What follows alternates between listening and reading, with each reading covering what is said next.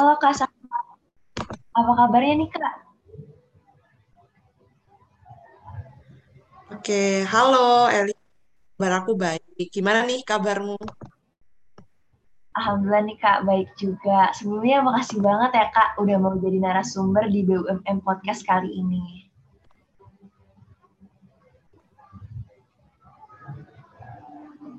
Nah kalau boleh, itu Kak boleh kita kenalan dulu, boleh nggak Kakak kenalan, di, uh, perkenalan diri dulu nih Kak ke teman-teman? Oke deh, uh, mungkin perkenalkan nama aku Safa Sania. Aku di sini sebagai Ketua Unit Kegiatan Mahasiswa Mahasiswa Wirausaha Universitas Brawijaya tahun 2022. Mungkin salam kenal ya buat teman-teman semuanya. Mungkin bisa panggil aku Safa. Itu. Nah, salam kenal Kak Safa, keren banget ya pastinya ini lagi sibuk banget ya Kak. Oke, langsung aja nih Kak. Uh, ya kan lumayan lah, lagi masuk sibuk ngurus organisasi. Oke. Iya, keren banget nih pokoknya Kak Safa. Nah, sekarang kita mau ngobrol-ngobrol nih bareng Kak Safa teman-teman tentang cash versus cashless. What's the best, uh, what's the best way to pay nih? Jadi kan uh, sekarang nih Kak teman-teman mungkin udah tahu ya teknik pembayaran ini tuh bukan cuma tunai gitu. Ada juga yang menggunakan cashless. Nah, untuk lebih tahunya nih Kak, menurut Kakak sendiri sebenarnya cash atau cashless payment tuh apa sih Kak? Oke, jadi sebenarnya sesuai namanya ya, payment ataupun cashless payment. Nah, sebagai definisinya sendiri, cash payment itu merupakan pembayaran yang memang dilakukan secara tunai. Ya, seperti yang kita ketahui, seperti uang kertas, uang koin, dan pembayaran tunai lainnya. Kedua, cashless payment itu apa? Jadi, cashless payment adalah sebaliknya pembayaran yang dilakukan secara non-tunai, yaitu melibatkan digital atau media elektronik untuk melakukan transaksinya. Ya, seperti uh, online payment lah lewat internet yang sekarang lagi booming banget dan digunakan oleh teman-teman semuanya. Seperti itu. Wah, terima kasih Kak. Nah, tadi kan Kakak udah ngejelasin juga nih tentang online payment gitu. Uh, kalau bisa disebutin, kira-kira contoh dari spesifik dari cashless payment ini apa aja ya Kak? Oke, okay cashless payment tuh bentuknya macam-macam. Uh, contohnya uh, salah satu ada imani. Imani itu ada juga kartu. Kartu yang biasa kita gunakan, kartu ATM, itu jenisnya kan ada kartu kredit sama kartu debit. Nah, kartu kredit itu yang fokus dengan penggunaannya yang uh, fokus di sistem hutang. Tapi kalau kartu debit pembayarannya uh, secara non tunai berbasis saldo gitu. Nah, tapi uh, salah satu cashless payment yang sedang marak ya di kalangan remaja ataupun kalangan masyarakat umum juga itu ada e-money sama e-wallet. Contohnya kayak QRIS, Shopee Pay, GoPay, OVO, dan banyak macamnya sebenarnya. Itu sih contoh-contohnya dari cashless payment. Wah iya sih Kak, bener banget. Soalnya aku juga nih salah satu pengguna dari Qris, Shopee Pay, dan teman-teman pasti yang ngedengerin juga pasti menggunakan itu ya Kak. Ya, bener banget. Ya, nah, mungkin sih pasti nah, pada uh, pakai Shopee Pay semua sih. Iya, pasti banget ya Kak. Karena kan pesan Shopee Food sekarang udah pakai Shopee Pay juga ya. Iya, betul banget. Nah, Oke okay, kak. Nah kan karena uh, sebelum kita mengenal nih uh, cashless payment ini sebenarnya uh, dulunya tuh gimana sih kak? Atau perkembangan di Indonesia nih cashless payment tuh di dalam masyarakat Indonesia tuh kayak gimana gitu perkembangannya? Oh oke okay, oke. Okay. Jadi sebenarnya sih kalau kita melihat dari maraknya penggunaan gadget dan sosial media ya dari tahun ke tahun sebenarnya sih makin meningkat ya apalagi di negara Indonesia. Sebenarnya berdasarkan data uh, dari We Are Social pada bulan Januari 2022 kemarin 191 juta orang di Indonesia itu sudah menggunakan gadget atau bahkan sosial media. Jadi otomatis bisa dibilang uh, penggunaan cashless payment pun ini akan semakin marak juga karena kan sekarang udah ada TikTok Shop, udah ada Instagram bisnis dan mungkin ada Facebook Ads Manager yang memang fokusnya di bisnis dan itu uh, menyebabkan juga perkembangan yang cukup signifikan gitu ya untuk penggunaan cashless payment di negara Indonesia seperti itu. Tapi tentu saja sih banyak banget uh, masyarakat Indonesia juga yang ada beberapa lah yang masih belum melek teknologi gitu, apalagi di tempat yang masih belum terjangkau internet nih, atau mungkin masyarakat ekonomi kelas ke bawah gitu. Cuman uh, untuk perkembangannya saat ini ya cukup pesat lah, walaupun tidak semuanya terjaring nih untuk uh, masyarakat Indonesia uh, seluruhnya melek teknologi seperti itu. Oke kak, berarti uh, sebenarnya ini cashless payment ini lagi pesat ya perkembangannya yeah. lagi merata gitu ya kak. Iya, betul. Di dalam kepesatan apa cashless payment ini sebenarnya kelebihan uh, dan kekurangan dari cashless payment ini apa ya Kak gitu menurut Kak menurut Kak Safa sendiri gitu. Oke, ini kelebihan dan kekurangan dari cashless payment ya? Iya Kak, benar dari transaksi hmm. non tunai gitu. Benar-benar. Jadi uh, kelebihan dan kekurangan dari cashless payment itu sendiri sebenarnya banyak banget sih. Yang pertama kelebihannya uh, yaitu teman-teman bisa menggunakan cashless payment itu lebih aman. Kenapa lebih aman? Karena semua orang yang membayar uh, membayar dengan cashless payment itu akan tercatat secara detail di dalam sistem gitu.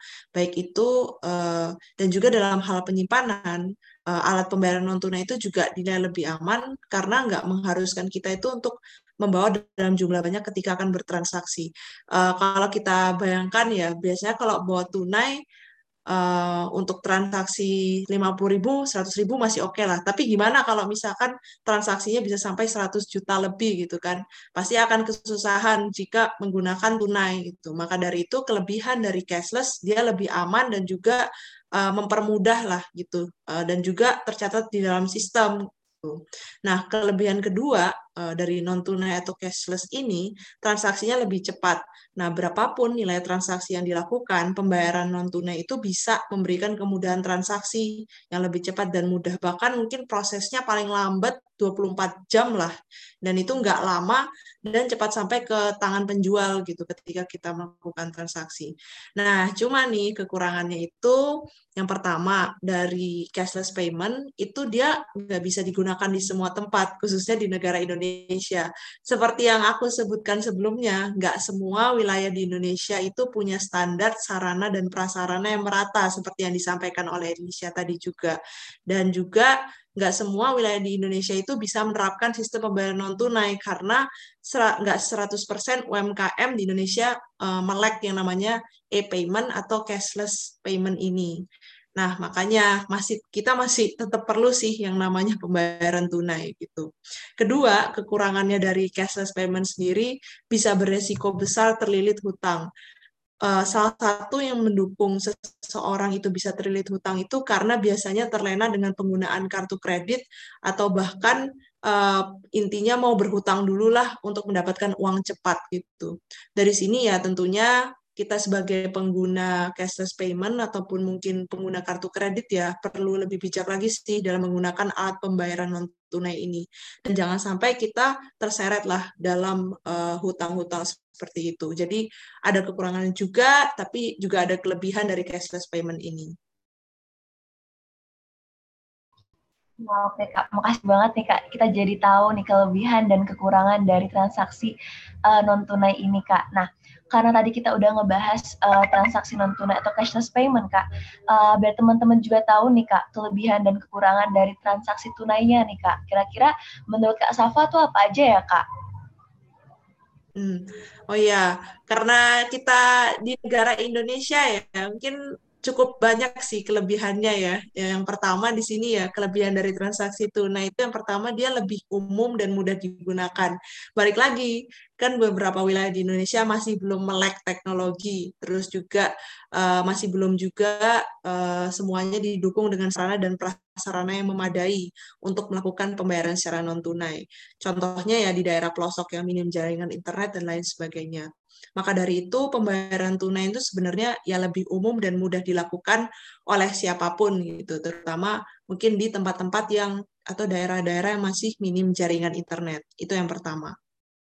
Nah, yang kedua, uh, kita bisa meminimalisir resiko berhutang dengan transaksi tunai ini. Karena pembayaran tunai itu sendiri dapat menghindari kita dalam melakukan pembelian secara berhutang karena terbatasnya uang yang dibawa. Ya, misal kalau kita bawa 50 ribu, uh, ya kita jadi sadar diri kan kalau kita emang bawanya segitu. Jadi kita terhindarlah dari hutang atau pembayaran yang nanti-nanti aja. Nah, cuman transaksi tunai itu kekurangannya nih. Yang pertama, uh, mudah hilang. Ya, baik lagi, semakin banyak uh, jumlah uang yang dibawa, ya kita akan kerepotan atau mungkin bisa resiko kehilangannya semakin besar gitu dibawa ke perjalanan entah itu lupa, entah itu terjatuh dan itu bisa cukup riskan ketika kita membawa uang dengan jumlah yang besar.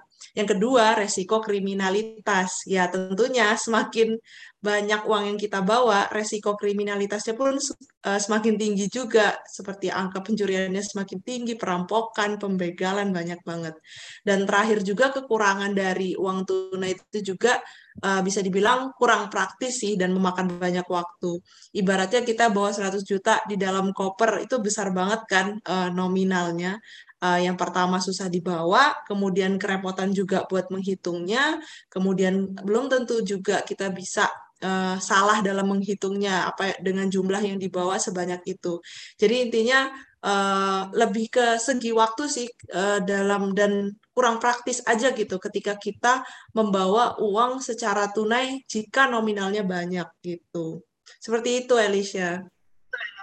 Oke Kak Safa, makasih banget nih Kak. Jadi intinya kalau misalnya yang tunai ini, kalau kekurangannya nih kurang praktis ya Kak. Sedangkan dari non tunai ya, ini kekurangannya tidak universal gitu ya kalau di Indonesia ya Kak. Nah, yes, karena tadi kan Kak, kita udah ngebahas tentang kekurangan dari masing-masing uh, cara transaksi ya Kak, atau mekanisme transaksi pembayaran. Nah, sebenarnya tuh bagaimana sih Kak cara kita untuk memilih teknik pembayaran dengan meminimalisasi kekurangannya gitu Kak? Oke.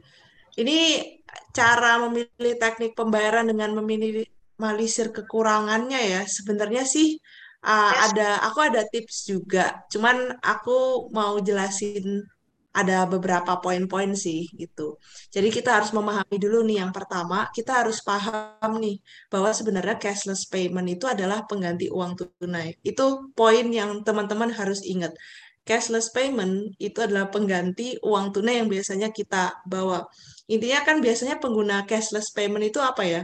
Suka yang namanya uh, hilaf dalam tanda kutip uh, suka top up berulang kali saat mau shopping atau mungkin mengeluarkan dengan uh, mengeluarkan untuk jajan gitu. Nah, hal itu jangan sampai nih terjadi sama kita semua gitu. Usahakan kita harus punya uh, pencatatan pengeluaran ataupun selalu telitilah untuk melakukan pengeluaran gitu meskipun tidak memakai uang tunai itu. Intinya kita harus ingat mindset bahwa selalu ingat bahwa cashless payment itu adalah sebagai pengganti uang tunai. Dia bukan uang tambahan, dia bukan kredit. Intinya cashless payment ini adalah pengganti uang tunai. Itu yang pertama. Yang kedua, cara meminimasi kekurangan uh, untuk bisa memilih teknik pembayaran yang uh, baik gitu. Ini fokusnya ke cashless payment itu adalah menggunakan cashless payment sesuai dengan kebutuhan kayak gitu. Nah intinya kita jangan mudah terbuai lah dengan kebutuhan lain yang nggak dianggarkan sebelumnya gitu, agar ya agar kita bisa memahami lah bahwa sebenarnya baik lagi ke poin pertama, ingat bahwa cashless payment itu adalah pengganti uang tunai. Misalnya kamu udah mengalokasikannya untuk kebutuhan-kebutuhan utama. Ya intinya jangan sampai digunakan untuk hal-hal lain yang sebenarnya itu nggak terlalu penting gitu. Semakin kita bisa disiplin dalam pemakaiannya, sebenarnya ini cashless ataupun uh, tunai ya gitu. Kita akan semakin mudah untuk bisa mengatur pengeluaran kita gitu. Sebenarnya ada sih uh, teknik uh, lebih ke teknik spending yang aku pakai itu uh, ini ada 50 30 20 gitu. Nah, ini adalah cara untuk teman-teman bisa uh, melakukan teknik pembayaran yang baik gitu. Kayak 50% yang dibutuhkan apa, spending 30% apa yang kalian mau, 20% itu buat invest ataupun menabung kayak gitu. Jadi 50 30 20 ini adalah teknik uh, supaya teman-teman uh, bisa melakukan uh, pembayaran yang efisien untuk bisa menghindari kekurangan-kekurangan tadi kayak gitu. Terus juga intinya uh, hindari pinjaman online yang cepat sama berhutang gitu. Itu ya pesan dari aku yang praktis tuh belum tentu baik gitu. Jangan sampai pinjaman online yang nggak terdaftar di OJK itu jadi pilihan kalian lah buat melakukan transaksi. Itu sih uh, cara untuk uh, memilih teknik pembayaran dengan meminimalisir kekurangannya. Kalau dari aku ya.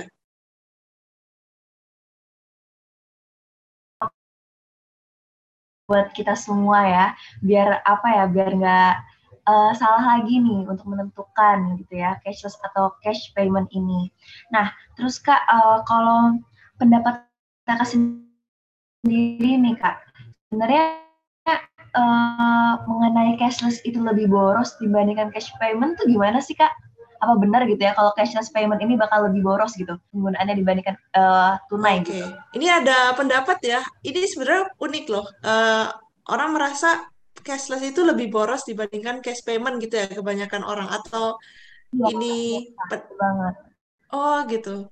Unik sih. Sebenarnya jujur ini sepertinya stigma ya gitu. Semenjak maraknya pembelian barang atau bahkan kebutuhan pokok secara online dalam tanda kutip, muncul itu yang namanya the cashless effect gitu. Di mana efek ini kita terlalu berlarut-larut untuk melakukan transaksi dengan e-money gitu, sehingga menyebabkan overspending.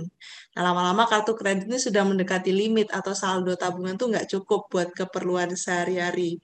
Uh, ini the cashless effect ini menarik banget sih. Jadi orang merasa bahwa cashless itu sebenarnya lebih boros dibandingkan cash payment. Sebenarnya jawabanku adalah enggak loh gitu. Aku enggak setuju dengan pendapat cashless lebih boros dibandingkan dengan cash payment. Ya terpenting ketika kalian menggunakan uang, kita tahu dalam tanda kutip waras dalam menggunakan budget kita untuk spending sesuatu.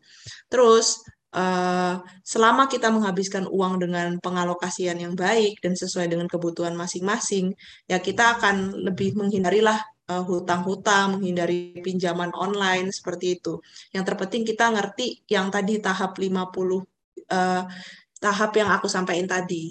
50, 30, 20. 50 persen yang kalian butuhkan, 50, 30 persen yang kalian inginkan, dan 20 persen untuk kalian invest atau saving, kayak gitu. Yang penting kalian punya teknik itu. Terus kemudian, kalaupun ya mungkin menambah biaya sedikit kalau cashless payment, pertambahannya itu lebih ke mungkin biaya admin ya, 6.500, 1.000, 2000 itu pun menurut aku masih sepadan aja gitu. Karena itu sebenarnya adalah pembayaran yang worth it. Dibandingkan ya kita harus menghabiskan uang bensin untuk ke ATM atau ke bank untuk bertransaksi. Dan menurut aku tuh sebagai bentuk biaya administrasi aja untuk keuntungan perusahaan tersebut. Dan dari situ yang penting kita bisa uh, budgeting gimana caranya kita bisa uh, ngerti uh, pengalokasian budget keuangan kita maka cashless itu bisa dibilang sih nggak lebih boros dibandingkan cash payment sih. Gitu. Oke Kak, makasih nih Kak. Jadi intinya pendapat mengenai cashless itu cashless payment lebih boros itu stigma aja ya Kak sebenarnya ya. Iya bener, iya bener banget. Cashless effect sih harus hati-hati juga kalau kita berlarut-larut lah menggunakan transaksi. Uh, harus hati-hati ya, tetap, tetap intinya harus hati-hati teman-teman kalau lagi menggunakan cashless payment ya Kak. Iya, bener. Nah, Kak, kalau dari kakak sendiri nih, uh, ada nggak sih uh, rekomendasi uh, buat teknik pembayaran yang teman-teman bisa pilih? Atau kayak sebenarnya sama aja atau gimana gitu, Kak? Untuk intinya nih, teknik pembayaran manakah yang hmm, yang okay. lebih direkomendasikan sama Kak Safa? Gitu? Oke, okay. sebenarnya kalau dari apa yang udah kita kulik bareng-bareng ya, aku lebih merekomendasiin teman-teman untuk lebih ke cashless sih, non tunai. Kenapa gitu? Karena sebenarnya cashless itu uh, lebih mudah untuk teman-teman bawa gitu. Namun uh, jangan lupa untuk tetap membawa sedikit uang tunai di dompet untuk berjaga-jaga.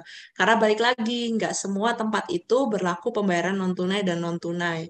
Jadi itu bisa uh, jadi sarana pembayaran darurat teman-teman ketika terjadi sesuatu. Intinya hindari penggunaan cashless sepenuhnya kecuali kalau Indonesia udah 100% UMKM atau seluruh tokonya itu punya digital digital payment gitu. Tapi kan jelas ya di sini Indonesia kan belum sepenuhnya UMKM-nya go digital. Jadi bahwa tetap cashless, aku lebih memilih cashless karena lebih aman transaksinya, tapi di dompet paling enggak sisihkan 50.000 sampai 100.000 lah di dompet untuk uh, dana darurat kalian gitu.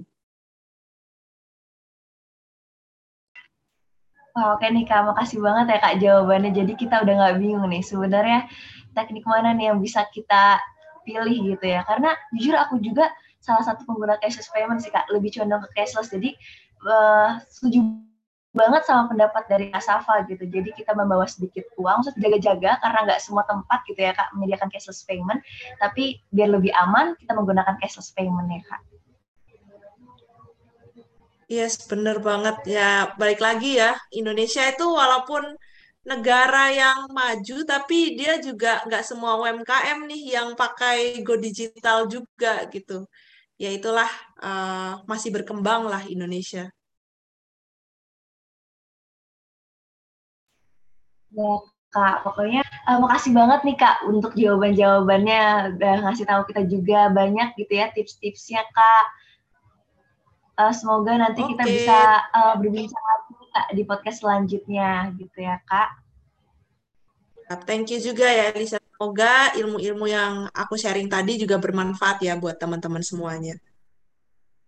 Uh, pasti bermanfaat banget sih Kak. Pokoknya sekian dulu ya Kak bincang-bincang uh, kita di BUMM, BUMM Podcast kali ini. Oke, terima kasih teman semua. Terima kasih Alicia. Iya Kak, terima kasih juga. See you Kak.